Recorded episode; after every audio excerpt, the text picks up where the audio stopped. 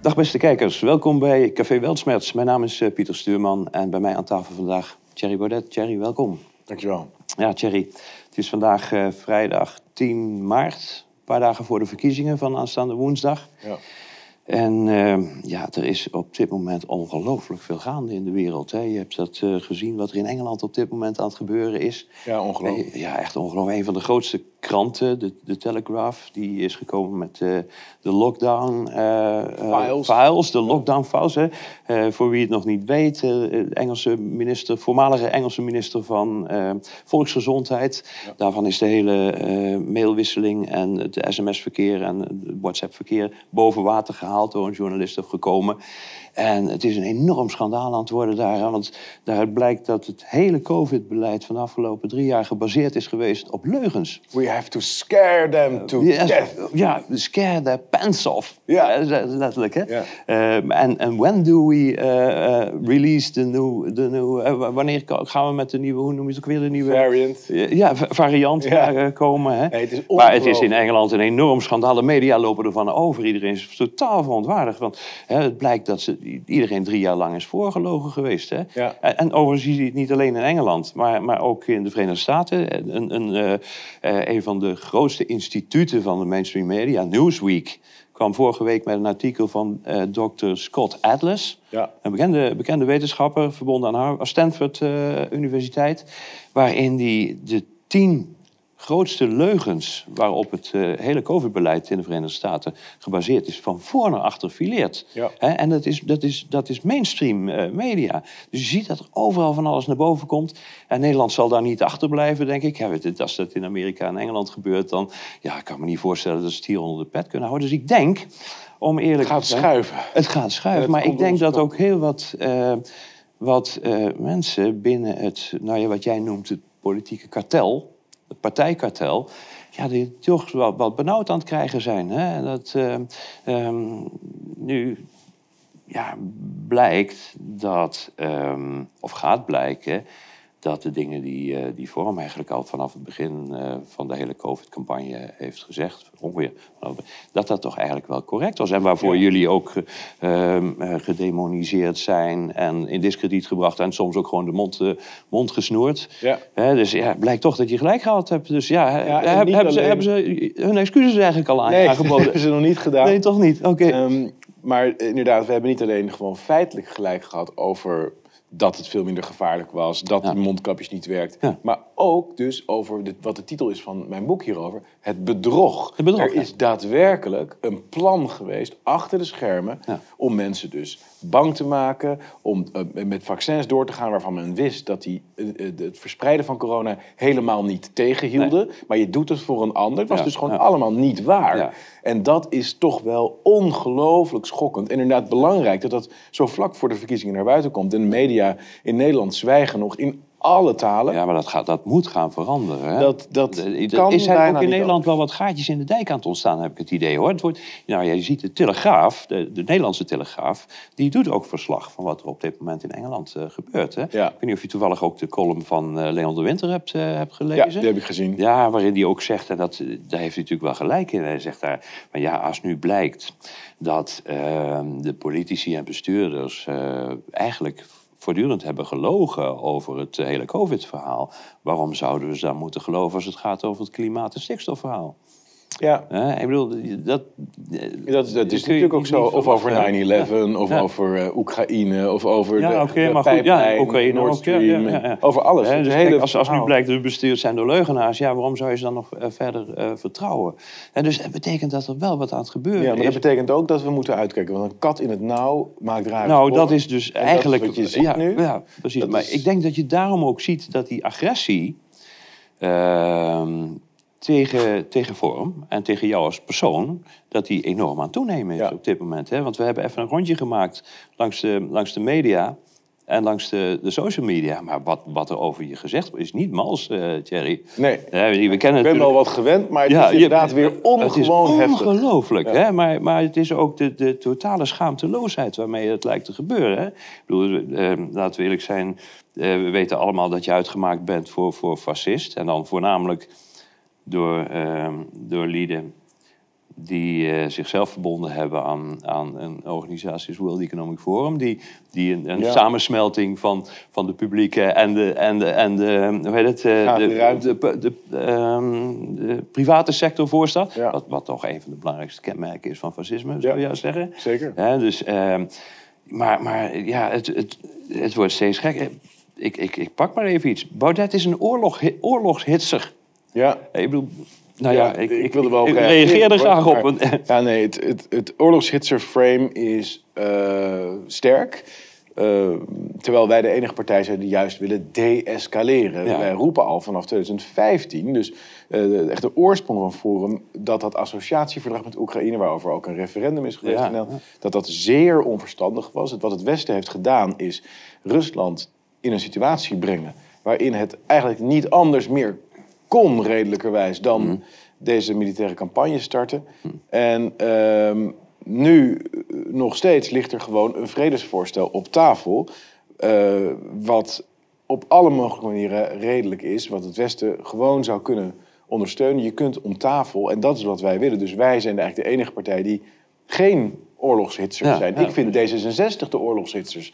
Die zijn bezig om het te escaleren. Ja. En wij willen juist om tafel en, Ja. en een, een deal maken. Kijk, Oekraïne is een heel erg complex land. Met, met een deel Russisch, een deel eh, heel erg richting Polen en Duitsland neigen. Ehm, is al heel lang zo, ook al honderden jaren. Ja. En wij hebben zitten roeren, wij bedoel ik de NAVO, de Amerikanen, in die complexe pot. Zodanig dat er nu daar een vreselijke situatie is gecreëerd. We moeten zo snel mogelijk eruit. En dat ga je niet doen door nog meer wapens te sturen. Dus wij zijn juist het omgekeerde van oorlogs. Ja, ja, ja. Maar je ziet dat inderdaad dus alles omgekeerd werd. En nou ja, goed, dat... eh, de- Ja, wij zijn het omgekeerde van fascisten. Wij zijn, Ja, precies, Wij zijn, wij zijn antifa. Wij zijn Ja, echt de echte Wij zijn voor antifa, ja. democratie, Ja, voor ja. nationale soevereiniteit, voor Ja. vrije markt. Ja, nou ja, goed. Maar dat, ik denk dat die omkering wel typerend is voor deze. Alles lijkt omgekeerd te zijn. Omgekeerde waarheid. Everything's inverted. Ja. Hè, maar, eh, maar je kunt er nog wel een paar doen. Eh, Baudet, Baudet geeft niets om de aardbevingsslachtoffers in Groningen, las ik. Ja, En- ja, het is het omgekeerde. Want het kartel heeft eh 20 jaar lang, 25 jaar lang, die mensen in de kou laten staan. Dat blijkt nu. Vanaf het begin, Ja. ik weet nog, mijn eerste maand of eerste twee maanden in de Tweede Kamer had ik een motie ingediend om binnen een jaar dat die- al die slachtoffers het geld daadwerkelijk op hun rekening zouden hebben staan. werd afgewezen. En ehm, wat ze nu doen, kijk, eh, dat is niet alleen die mensen nog steeds in de kou laten staan, maar ook heel Nederland in de kou letterlijk laten staan, omdat ze ons volstrekt afhankelijk hebben gemaakt van Russisch gas. Nou, dat, dat kunnen we niet meer krijgen nu. Dus nu zijn de energieprijzen geëxplodeerd en die hele economie gaat eraan. Dan hebben we het nog alleen maar over de prijzen. Want eh, ik bedoel, een beetje meer ruzie maken met Rusland en de toevoer stopt helemaal. Mhm. En dan, ehm, Dan is het over en dan uit kun je voor het voor helemaal geen geld meer kopen. Hè? Ja. Eh, dus ja, maar ja, maar het is inderdaad eh, heel opmerkelijk. Ehm, want het is inderdaad de overheid. Of de Die opeenvolgende geeft om kabinetten. die aardbeving. Die, die, die de aardbevingsslachtoffer. En dat blijkt natuurlijk nu ook wel, nu daar een schandaal eh, naar boven eh, aan, het komen is.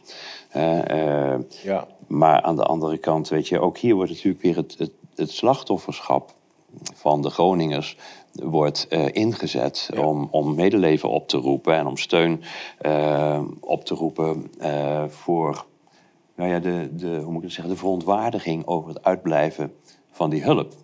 Waarmee je natuurlijk uiteindelijk eh, terugkeer naar eh, de gaswinning in Groningen nog onmogelijker maakt. Precies. Dus er wordt een, er wordt een, eh, een, een maatschappelijk trauma gecreëerd. Ja, om het onmogelijk te maken om een rationele discussie te voeren over onze energievoorziening. Ja. En dat is waar wij ons tegen verzetten. Ja. Wij vinden dat je, er zit daar voor 2,5 eh 2.500 euro aan Miljard. gas. Miljard. eh, miljard euro. Miljard ja, 2.500, 2.500 miljard. Dus Ja. 2500 tot 3000 miljard aan gas in de grond. Dat is echt astronomisch. Oh. En eh, de kosten waar we het over hebben met betrekking tot de Groningers varieert heel erg natuurlijk qua schattingen en zo, maar dat hebben we het over tien, enkele tientallen miljarden, maar niet Ja. meer. Nee. Dus, en dat geldt voor heel veel onderwerpen.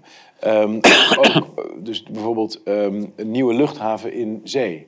Dat zou 40 miljard kosten. Dan ben je eigenlijk van alle problemen, Mhm. eh, ook met betrekking tot woningnood in Nederland en het het gebrek aan ruimte, eh, eh, ben je allemaal verlost. De geluidsoverlast. Alleen ehm, dat willen ze niet overwegen, omdat ze nu al toezeggingen hebben gedaan voor de plaatsing van windmolens in de Ja, ja, ja. En zo wordt alles tegengehouden. ja, ja, het is echt... Het is, het is bar en boos. Ja. Ja. Ehm, ja, we kunnen nog wel een paar doornemen. Ehm, ja, ja, we- Ik- ik, het is wel... Ja. Ehm, ja, Kom maar door. Baudet is een, is een Poetin-lover. Ja, ik Ja, ook als... nou, ik, ik heb een eh, bepaalde eh, eh, eh, achting voor eh, Poetin. Omdat ik denk dat wat hij gedaan heeft met zijn land is heel bijzonder. Hij heeft Rusland, wat een ongelooflijk complex land is, heeft hij toch maar eh, bij elkaar gehouden. Hij heeft eh, allerlei processen daar, na de ineenstorting, na de communistische tijd natuurlijk, onder Yeltsin, heeft hij dat toch zo goed en zo kwaad als het ging dat land weer, weer herstelt. En nu is het een eh, factor om rekening mee te houden. En ehm, ja, ik vind het ook helemaal niet gek om, om dat te zeggen. Dat, dat je, eh, hè, je kunt, je, je kunt je daar een mate van hebben respect voor, voor hebt, ja, ja. Voor, voor een heleboel eh, figuren, waar, zonder dat je er één op één helemaal mee eens bent. Ja, of ja. Een, een, een lover, dat klinkt als een soort van kritiekloze bewondering. Dat is helemaal niet aan de orde. Maar Rusland is een heel groot land. Rusland gaat daar ook niet weg. Rusland zal waarschijnlijk voor altijd onze buur blijven. Ehm, waarom zou je niet op een, met een zekere mate van wederzijds respect met elkaar omgaan? En daar heb ik een paar dingen over gezegd. En dat is ook weer zo kenmerkend voor onze tijd, dat het dan allemaal. eh, je moet meegaan in een soort blinde haat. Van alles is verschrikkelijk en aan die man en alles is goed aan Zelensky, weet je Ja. wel. Alles is goed. Dat, dat dommige zwart-wit denken, daar verzet ik me tegen. Ja. En ehm, dat geldt ook natuurlijk voor de situatie in Oekraïne. Ik denk dat eh, het Amerika en de NAVO hebben tonnen boter op het hoofd. Ehm, ik heb ook wel eens een aantal opmerkingen gemaakt over Assad in Syrië. Dat betekent niet dat ik een Nee. een, een, verliefd zou zijn op hem of een bewonder lover. Dat is allemaal onzin. Maar het is toch iemand die een, be- een bepaald heel complex land eh, op een bepaalde manier probeert te besturen. Zo goed en zo kwaad het gaat. Maakt heel veel fouten, heel veel dingen. Maar is het niet veel beter om een dictator te hebben die je kent dan anarchie en niet te weten waar je aan begint? We hebben gezien in Irak, eh, we hebben het gezien in Afghanistan. Wat je dan krijgt is nog veel erger. Dus wees voorzichtig met eh, naïef oordelen over wereldleiders. Nou ja, Dat waar is je voor predikt is voor nuance, als ik het eh, in, in tegenstelling tot het zwart-wit denken. Ja, en ook een soort diplomatieke houding. Ja, Dat, ehm, en kijk, tot, tot voor kort was dat ook gebruikelijk. Dan ging de koning ging naar eh, Sochi en dan had hij ook gewoon een ontmoeting met Poetin. Dat was ook allemaal een respectvolle manier. Zo probeer je toch internationaal die verhouding een beetje normaal te houden. En wat we nu aan het doen zijn, ik vind het roekeloos. Ik vind het, ik vind het spelen met, met de levens, niet alleen van mensen daar in Oekraïne, maar uiteindelijk ook van Nederlanders, de economische, maar ook misschien De wereld. Wie weet wat er gaat gebeuren. Dus we zitten in een soort eh, tunnelvisie van oorlogshitserij, inderdaad. En, en eh, niet je willen verplaatsen in een ander. En dat heb ik wel proberen te doen. Ik vind het belangrijk dat je probeert je te verplaatsen, in, ook in je tegenstander. Ja. Wat, wat bezielt hem, wat drijft hem. En dat wordt nu afgedaan van, ja, Poetin is gek, had ruzie gemaakt met zijn vriendin... en besloot een land binnen te vallen. Ja. Weet je, dat is Ja. niet serieus. nee, dat is niet serieus. Ja, alsof hij op een ochtend wakker werd en Ja. zei van, nou, wat, waar heb ik vandaag Zo, ik, ik ga eens Ja, even een land bombarderen. Nee, zo is het niet gegaan. Er is een enorme Nee, maar voorgeschiedenis. het is een simplificatie die ook eh, ja, bijna een belediging is voor de menselijke intelligentie, als je het aan mij vraagt. Maar Ja, ja. En ehm, de, het frame Putin lover bestaat al heel lang. Hè? Dus met het associatieverdrag 2015, 16, Ja. toen we de referendum deden. Dus iedereen die iets aardigs of respectvols zegt Ja. over Rusland, meteen bam. ja. Of En enige die- kritiek heeft op het westerse beleid. Ja, meteen huppatee. En dat is denk ik wel heel kenmerkend voor deze tijd. Ook, want andere dingen die je noemde, iedereen die kritiek heeft op eh, bijvoorbeeld eh, de Europese Unie of, Ja. de, die, de- of de immigratie, is Ja. meteen een nazi of een dit of een dat. Ja. En met die frames wordt gepoogd om het debat af te kaderen. Ja. En iedereen bang te maken voor. En daarom heb ik ooit gezegd. eh, ophef, weet je, enjoy the ride. We, we- wij gaan er niet, want je moet daar, als je echt een oppositiepartij wil zijn, niet bang voor zijn. Je moet dat van je af durven kunnen laten glijden.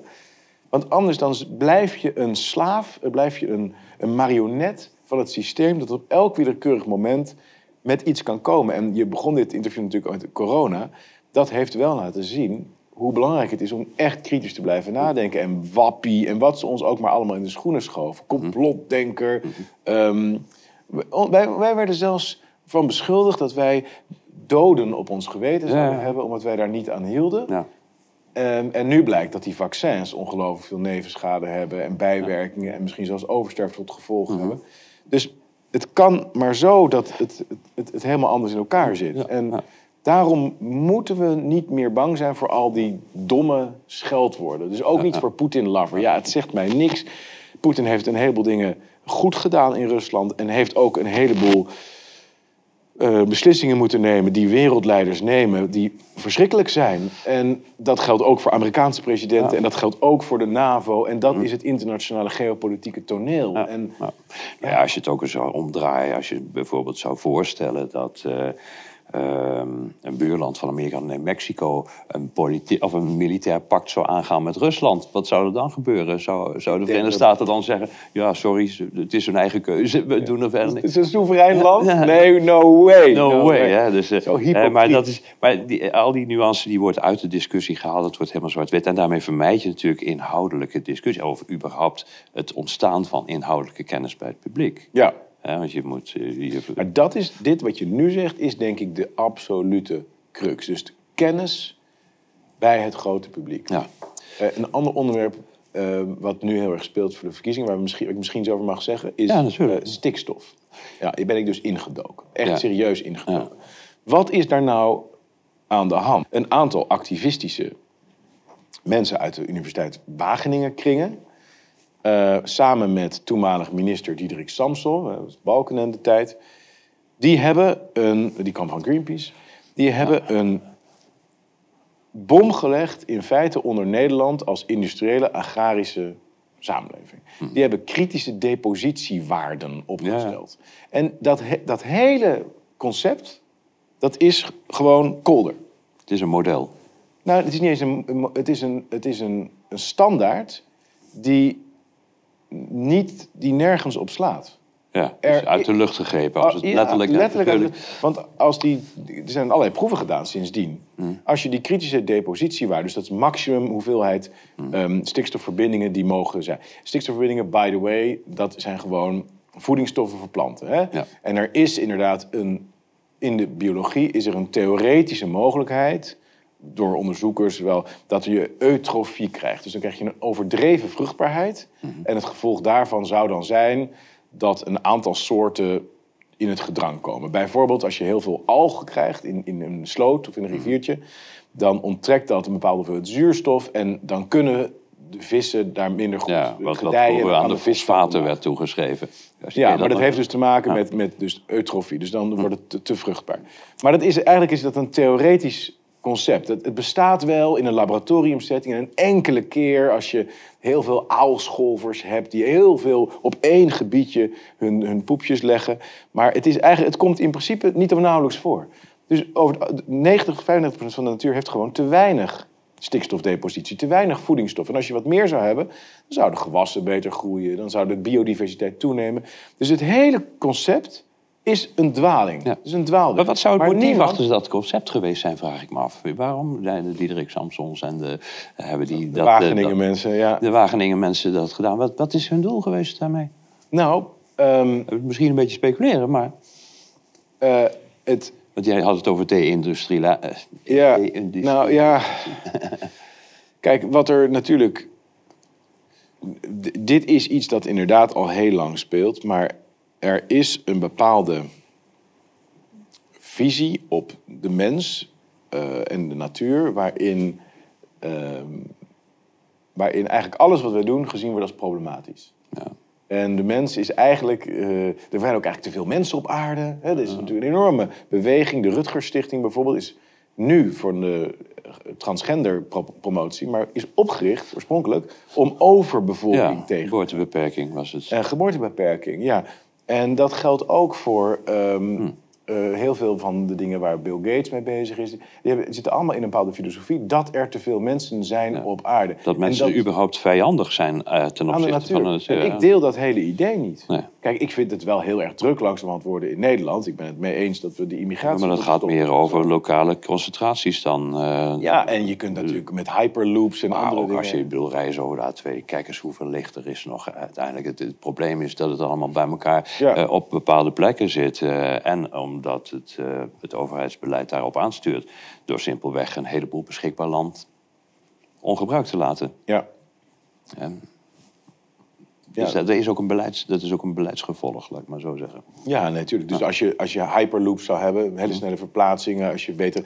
eh, dan zou je veel daar. Maar niettemin, ik denk dat hè, Nederland mag best zeggen: jongens, begint hier aardig druk te worden. In verhouding, Immigranten, ja, ja, asielzoekers. Ga even Elders op de wereld is veel meer ruimte. Er is veel meer ruimte. Maar het hele concept van overbevolking is voor mij eh, is, is onzinnig.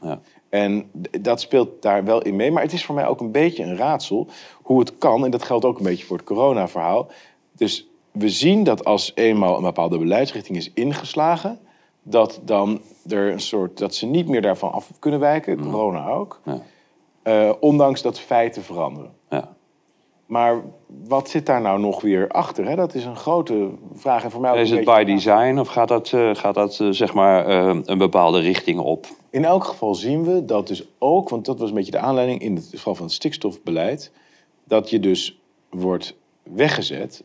Ik had daar een keer een interruptiedebatje over met Rutte bijvoorbeeld, maar ook met Jan Paternotte, een paar andere mensen. Als iemand die de, weet je wel, de natuur wil vervuilen en, en eh, verschraling en het gaat afsterven. En Rob Jette heeft in een debat met mij gezegd: stikstof legt een verstikkende deken over Ja. de natuur. Overigens maakt allemaal- stikstof eh, tach- bijna 80% van de atmosfeer uit. Hè? Ja, ja, maar we hebben het over stikstofverbindingen natuurlijk. Ja. Maar het, het is gewoon onzin dat het een verstikkende laag legt. Dus het, maar, de- maar ze gaan daar, dat, dat, dat zeggen ze gewoon.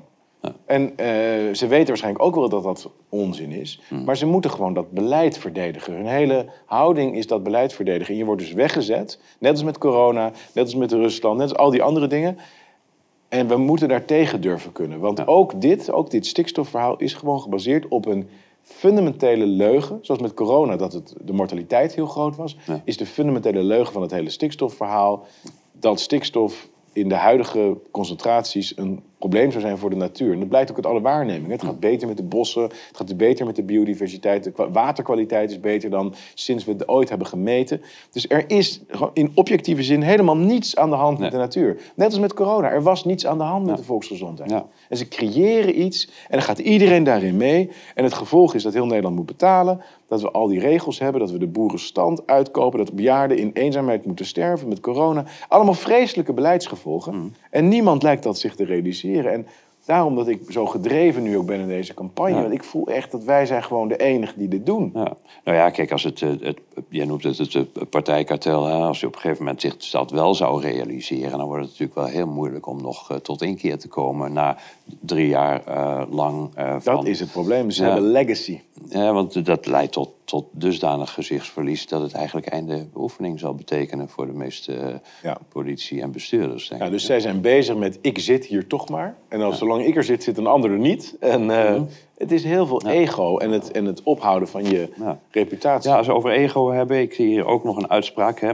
Eh, Thierry Baudet doet alles voor de aandacht. En, de grote Thierry Baudet show, hè, voor de aandacht voor populariteit zou, zou doen. Ja, nou als dat zo was, dan had ik heel andere keuzes gemaakt. Dat denk ik ook eerlijk gezegd. Hè. Het is toch een stuk gemakkelijker Ja, om met een de, mee stroom mee te gaan. En dan krijg je meer eh, applaus dan wanneer je er tegen ingaat. Ja, dat is, dat is overduidelijk gebleken. En ik Ja. heb ook keuzes gemaakt in, in, binnen mijn partij, maar ook voor het land.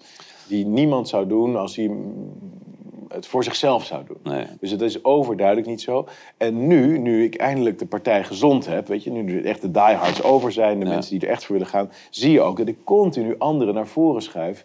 Ik wil juist dat anderen dit ook overnemen. Ik wil Ja. dat uh, dit Nou ja, je breed kunt het ook niet in je eentje doen, denk ik. Of, eh, Nee, en zeker niet long term. eh, nee. Iedereen wordt ouder. Eh, we hebben nu een fantastische jonge garde die aan het opkomen is, die ik ook intern eh, heel erg begeleid. eh, Mhm. Die ik ook coach met speeches houden, ideologisch coach. Dus ehm, ik, ik heb het gevoel dat het eerder het omgekeerde is. Het is ik doe dit ondanks mezelf, ook van, van nature. Ik had eigenlijk een heel ander soort leven voor mezelf voor ogen gehad. Maar ik moet iets doen, want het land gaat eraan. Ja. Oké. Ehm, nou, nog maar een paar meer. Ehm, eens even kijken. Nou ja, we hebben natuurlijk gezien... ja, die, die- dat verhaal van, eh hoe heet je ook alweer, Arjan Lubach. Ja, het verdienen. Ja, ik zie je, eh, Baudet gebruikt zijn partij vooral voor zelfverrijking. Ja. Dus gefeliciteerd, eh, eh, meneer eh, de miljardair. ik ben nog geen miljardair, Toch niet? ook niet Nee. miljonair.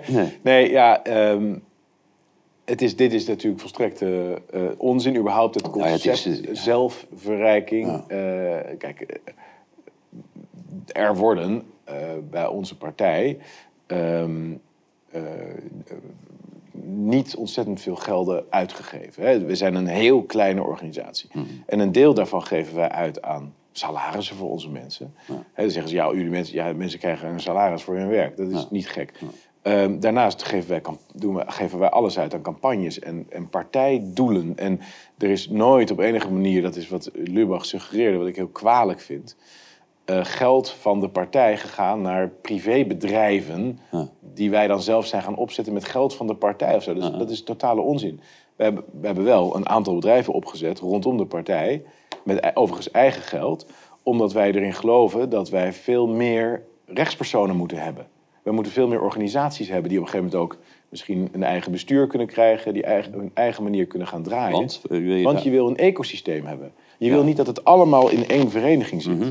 Dus je wil een uitgeverijtje die misschien ook boeken kan uitgeven... die niet één op één partijboeken zijn... maar Mhm. die wel in het verlengde liggen. Je wil eh, een jongere organisatie die soms wat andere dingen doet. Je wil een bedrijfje, wat we nu aan het doen zijn... om het eten van de boeren, producten van goede producten... naar consumenten te brengen. Nou, stel dat daar iets misgaat met een aanklacht van een consument... wat dan ook.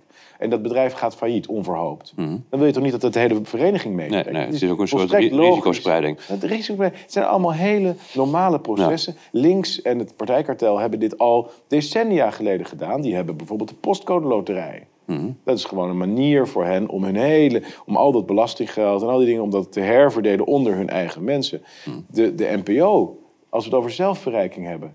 Lubach en al die andere presentatoren. Wat denk je dat die allemaal verdienen? Dat is heel wat meer dan wat een Kamerlid verdient hoor. Ja, ik verdien het ook niet hier. hè? Dus eh, nee. Nee. Dus ik vind het allemaal. Het, ja, Ja. het is zo Ja, maar het is modder laag. gooien. Het is- Wij het hebben modder met onze blote handen uit het niets iets opgebouwd. Wat gewoon draait, wat functioneert.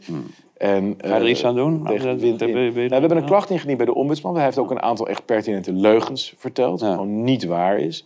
En ehm, kijk, ik geloof niet per se in dat zelfcorrigerend vermogen. Want het zijn allemaal vriendjes van elkaar. Het zit allemaal in hetzelfde netwerk. Maar ik vond het wel principieel goed om te doen. En ik vond het ook wel grappig en leuk. Ja. Omdat ze natuurlijk ongehoord Nederland Ja. snoeihard aanpakken de, via de ombudsman. Ja. Op basis van een klacht die werkelijk...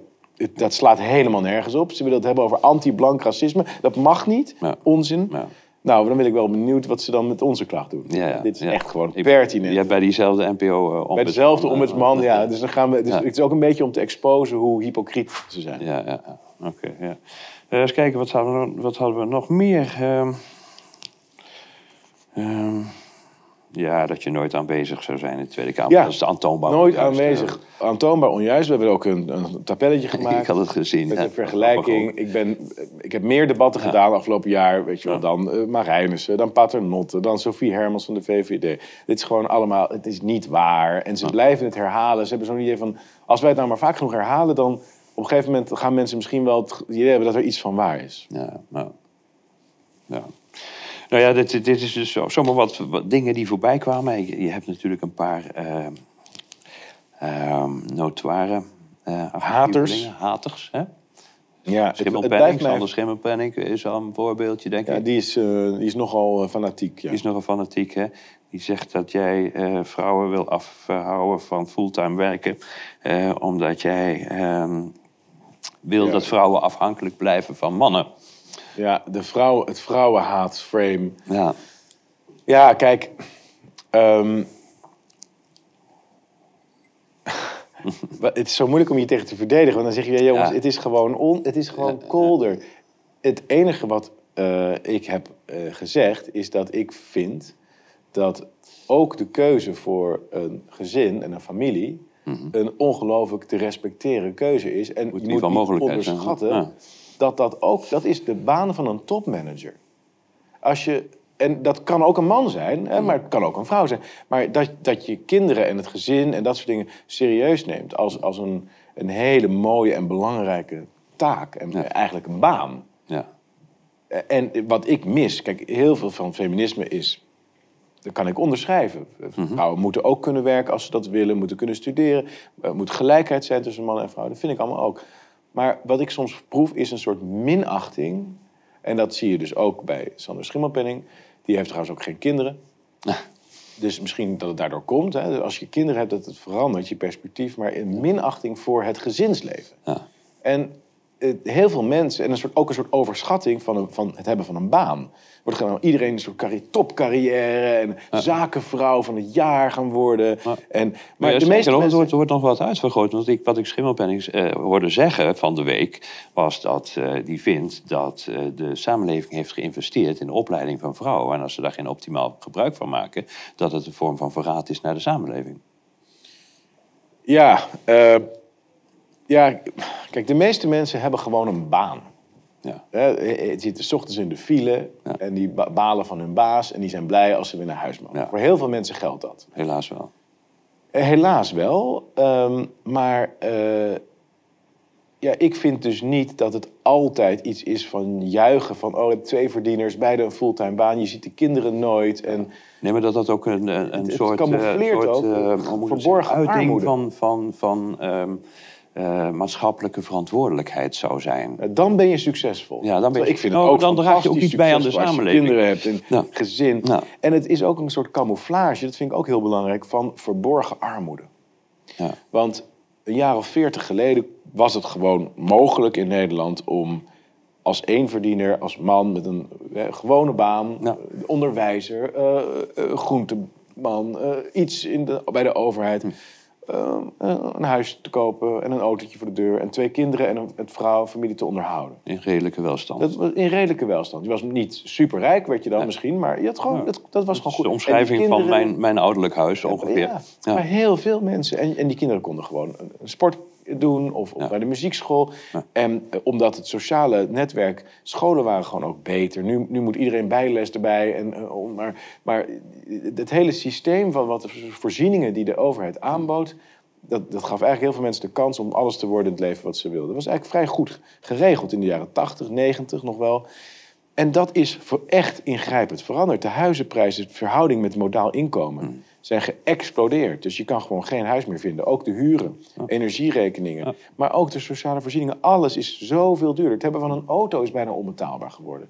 Dus ik vind ook in dat, dat pleidooi voor iedereen moet maar als tweeverdiener en man en vrouw helemaal inwisselbaar en hetzelfde. Er zit ook een soort niet willen onderkennen dat we misschien wel 50% armer zijn geworden. Ja, het is verborgen armoede. Ja, ja. Nou ja, ik noemde En ik net... vind daar niets onvriendelijks aan ten opzichte Nee, van nee. vrouwen, ook niet ten opzichte van mannen. En nogmaals, als mensen een andere rolverdeling willen, dan is dat natuurlijk eh, hun keuze. Ja. Maar ik, ik wil af van het idee, wat we toch, waar we naartoe gaan in ons land, dat het hebben van een gezin en het zorgen voor een gezin niet eigenlijk misschien wel de allerbelangrijkste baan is die je kan hebben. Ja, je ziet en ook, wij, ja. ik ben dan nu dan werkende bij ons thuis. Ja. Maar ik ben natuurlijk ver ondergeschikt aan Davide, die voor ons kind zorgt. Ik ben een krabbelaar buiten de deur. het is Zij doet het echte werk. belangrijkste taken en opdrachten in je leven eh, is om, om jouw nageslacht eh, ehm, En een nieuwe generatie. Ja, maar en- ook eh, op, Wauw. hoe moet ik het zeggen, voor te bereiden op een, eh, op een volwassen en verantwoordelijk leven straks. Hè. Dat is eigenlijk de, de, de, de definitie van opvoeding in mijn eh, optiek. Ja. En, eh, maar het is inderdaad ja, die verborgen armoede. Ik bedoel, nou ja, goed, ik zeg net, het is mijn, in, zo ben ik opgevoed in mijn ouderlijk huis. Mijn vader had een, een prima baan bij, bij Philips, maar niks bijzonders. Eh, en de- onze buurman was inderdaad een, een, een onderwijzer. Ja. En we woonden in een, in een redelijk mooie buurt, in een redelijk mooi huis. Die huizen staan er nu nog. En het zou nu volstrekt onmogelijk zijn om in zo'n huis te wonen met één, eh, zeg maar, eh iets boven model, Middelmanagement, eh, boven functie- inkomen hè, van, een, van, een, van een onderwijzer bijvoorbeeld. Ja. Dat zou volstrekt onmogelijk zijn. Je hebt daar minstens het dubbele of misschien Ja. zelfs wel het driedubbele eh, voor nodig. Hè? Ja. Dus we zijn inderdaad met z'n allen veel armer Veel geworden. armer geworden. Ja. En dat is natuurlijk gevolg van allerlei beleid, beleidskeuzes.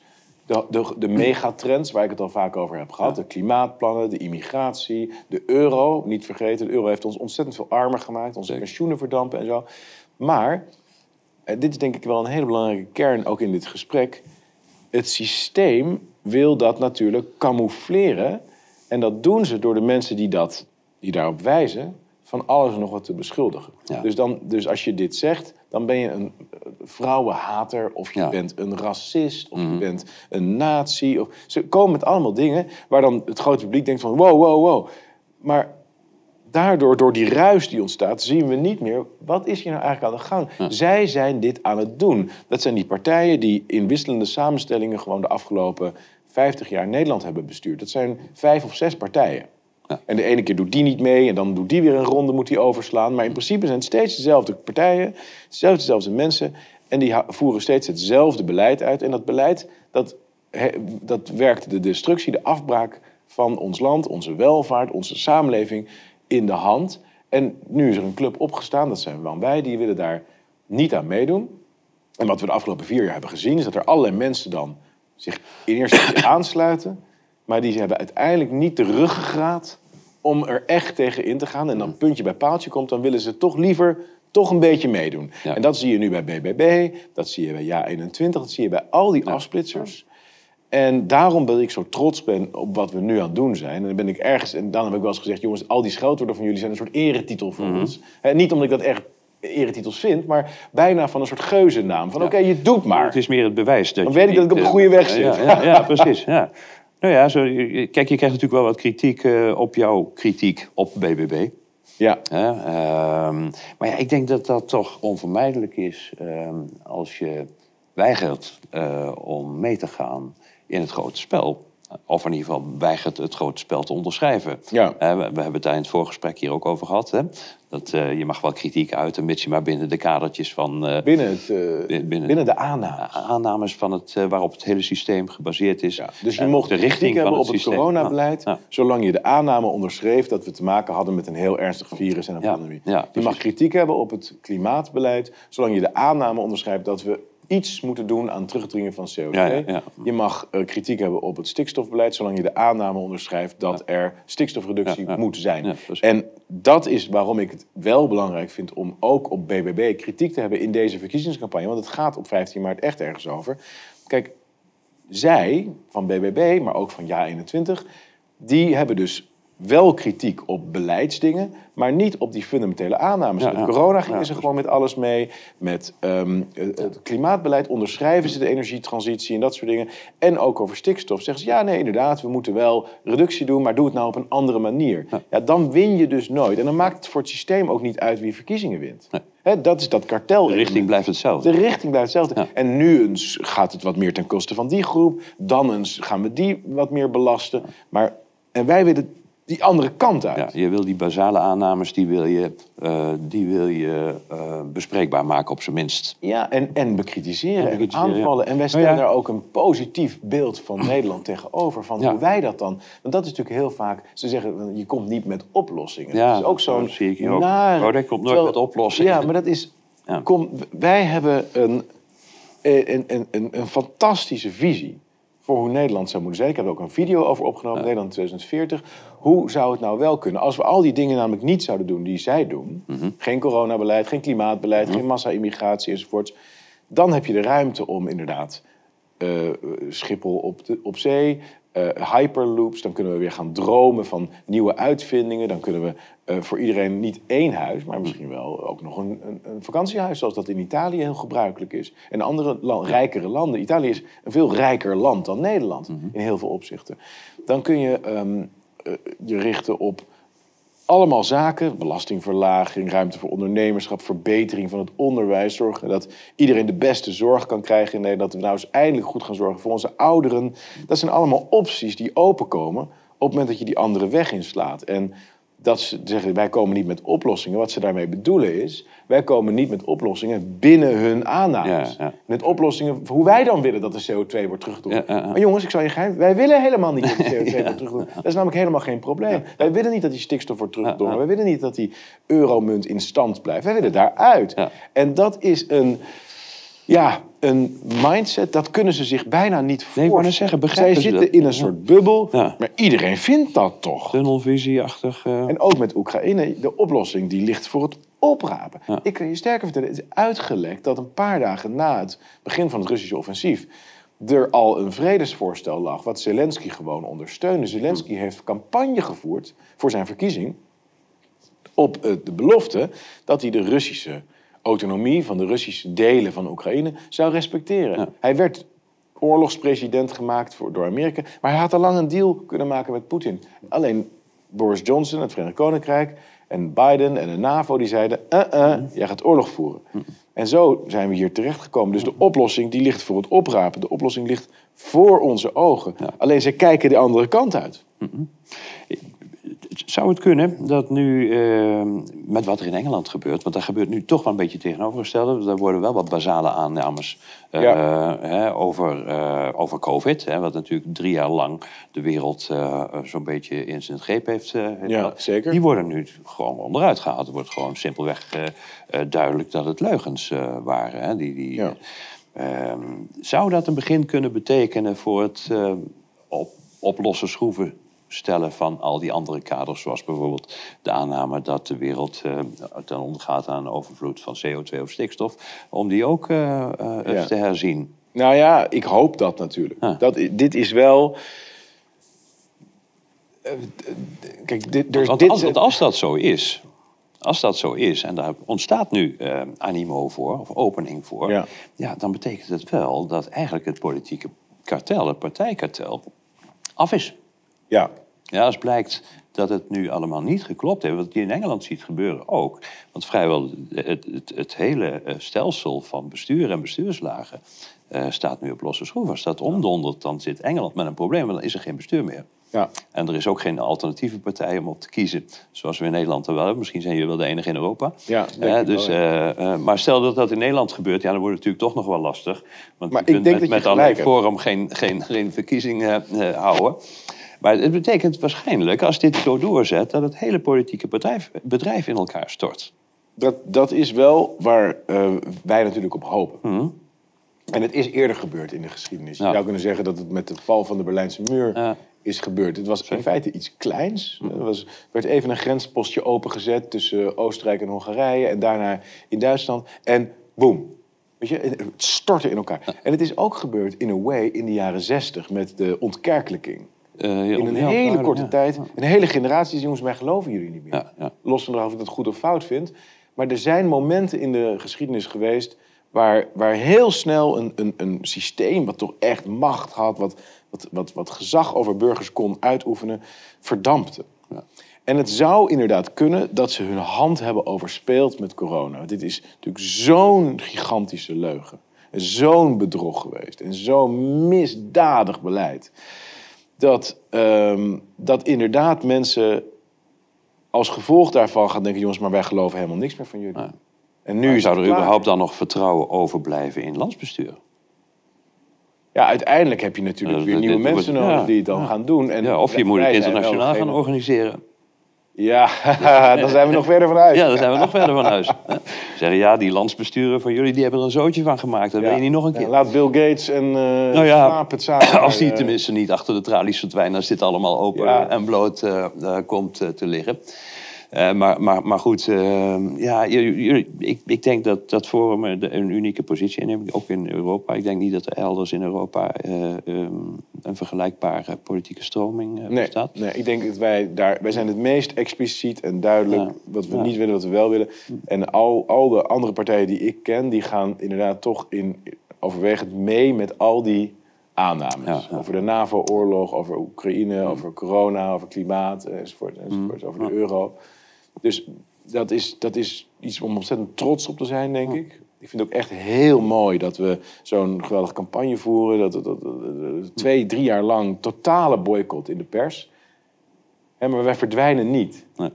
We handhaven ons. Dat is gaaf. We zullen zien hoe het zich verder eh, ontwikkelt. Natuurlijk eh, volgende week woensdag met eh, de verkiezingen. Ehm, heb je, hoe, hoe, wat zijn je verwachtingen? Ik denk dat we het beter gaan doen dan iedereen denkt. Oké. Ik denk dat uh, vier of vijf Eerste Kamerzetels echt haalbaar is. En dat we in alle provincies gewoon uh, een aantal zetels halen. Ik, ik, weet niet precies hoeveel, maar ik denk dat we overal echt aanwezigheid gaan, mm -hmm. gaan krijgen. Dat we, uh, en de mensen die we nu hebben zijn ook allemaal echt goed. Hè? Dus, dus het heeft natuurlijk ook even geduurd met zo'n partij... voordat je overal de juiste mensen hebt. Maar ik sta helemaal achter dit team en deze mensen. Dus behalve dat ik denk dat we het veel beter gaan doen op 15 maart... denk ik dat mensen ook daarna heel veel van ons gaan zien... Ja. waar ze echt positief verrast door zijn. En we hebben natuurlijk onze app en ons netwerk... en we gaan die mensen verbinden. We gaan steeds meer doen met elkaar... Mm -hmm. En dat gaan Ook buiten het politieke spectrum. Precies, ja. Uh, sociale uh, en economische verbinding. Mm, ja. Nou, het zou mooi zijn. Misschien uh, krijg je de wind mee door de ontwikkelingen. Het is, ja. Wat er op dit moment gebeurt. Het gaat zo snel. Het gaat zo snel, dus het kan binnen een paar weken kan het ontploffen. Maar uh, wat vind je, denk jij er nou van? Waarom, als dit komt allemaal uit, ja. is er niet één talkshow die zegt... laten we die Baudet uitnodigen? Van, meneer Baudet heeft dit allemaal al gezegd. Uh, hoe voelt ja, dit nou? Je hebt, je hebt natuurlijk het, je hebt het partijkartel, maar je hebt ook het mediakartel. Ja, hè? Ik bedoel, kijk, als, uh, als, dit, als jij dit kunt vertellen... en de kijker zal zeggen, verrek, hij heeft gelijk... ja, dan zullen veel mediamensen toch moeten... hoe moet ik zeggen, op het strafbankje terechtkomen. Ja. Ik denk dat ze dat liever niet hebben. Dat is het, hè? Het is allemaal ego. Ja. Thierry, ik wens je heel veel succes. Bedankt voor dit gesprek. Dankjewel. En tot de volgende keer. Dankjewel, Pieter.